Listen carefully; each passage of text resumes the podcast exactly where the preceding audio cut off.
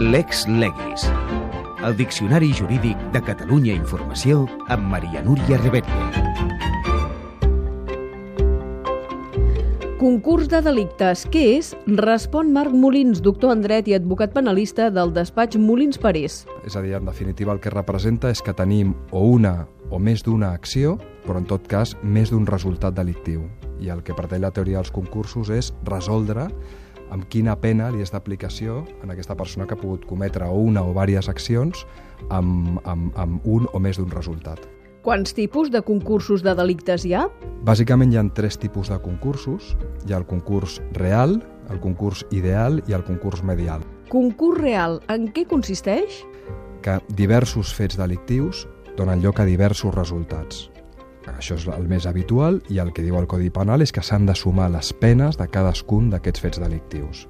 Per tant, és una estricta addició aritmètica de les penes. No escurces la pena, doncs. Hi ha uns límits temporals, que són els límits màxims de, de compliment contemplats al Codi Penal i a la Constitució, però en tot cas no escurces. A través del concurs real el que fas és sumar responsabilitats. Pot posar un exemple? Seria el cas, per exemple, d'una persona que comet un robatori i a posteriori, eh, en el context de la fugida, eh, roba un segon vehi un vehicle per fugir i comet un atropellament i mata una persona, el que faria més, en la mesura en què hi ha diverses conductes, li aniríem, i diversos resultats, aniríem sumant les conseqüències de cadascuna d'aquestes conductes i de, de cadascun d'aquests resultats. Parlant de penes, però, què és això de la triple de la major? Un delicte, per exemple, castigat fins a un, amb un topall amb un màxim de 4 anys de presó, si s'hagués comès 10 vegades aquell delicte, a priori la pena que, que li seria d'aplicació seria de 40 anys, és a dir, 10 per 4.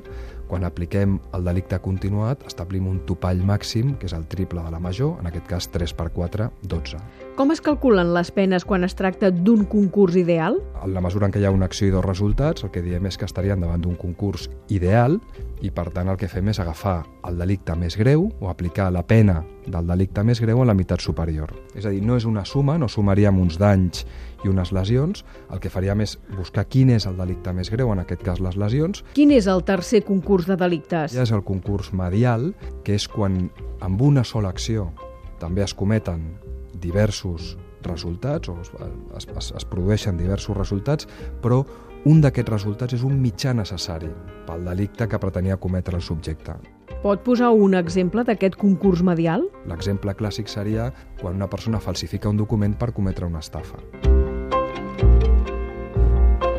En definitiva, doncs, el Codi Penal preveu tres concursos de delictes. El més habitual és el concurs real, en què la persona comet diversos delictes amb diversos resultats i té un límit en el compliment de la pena.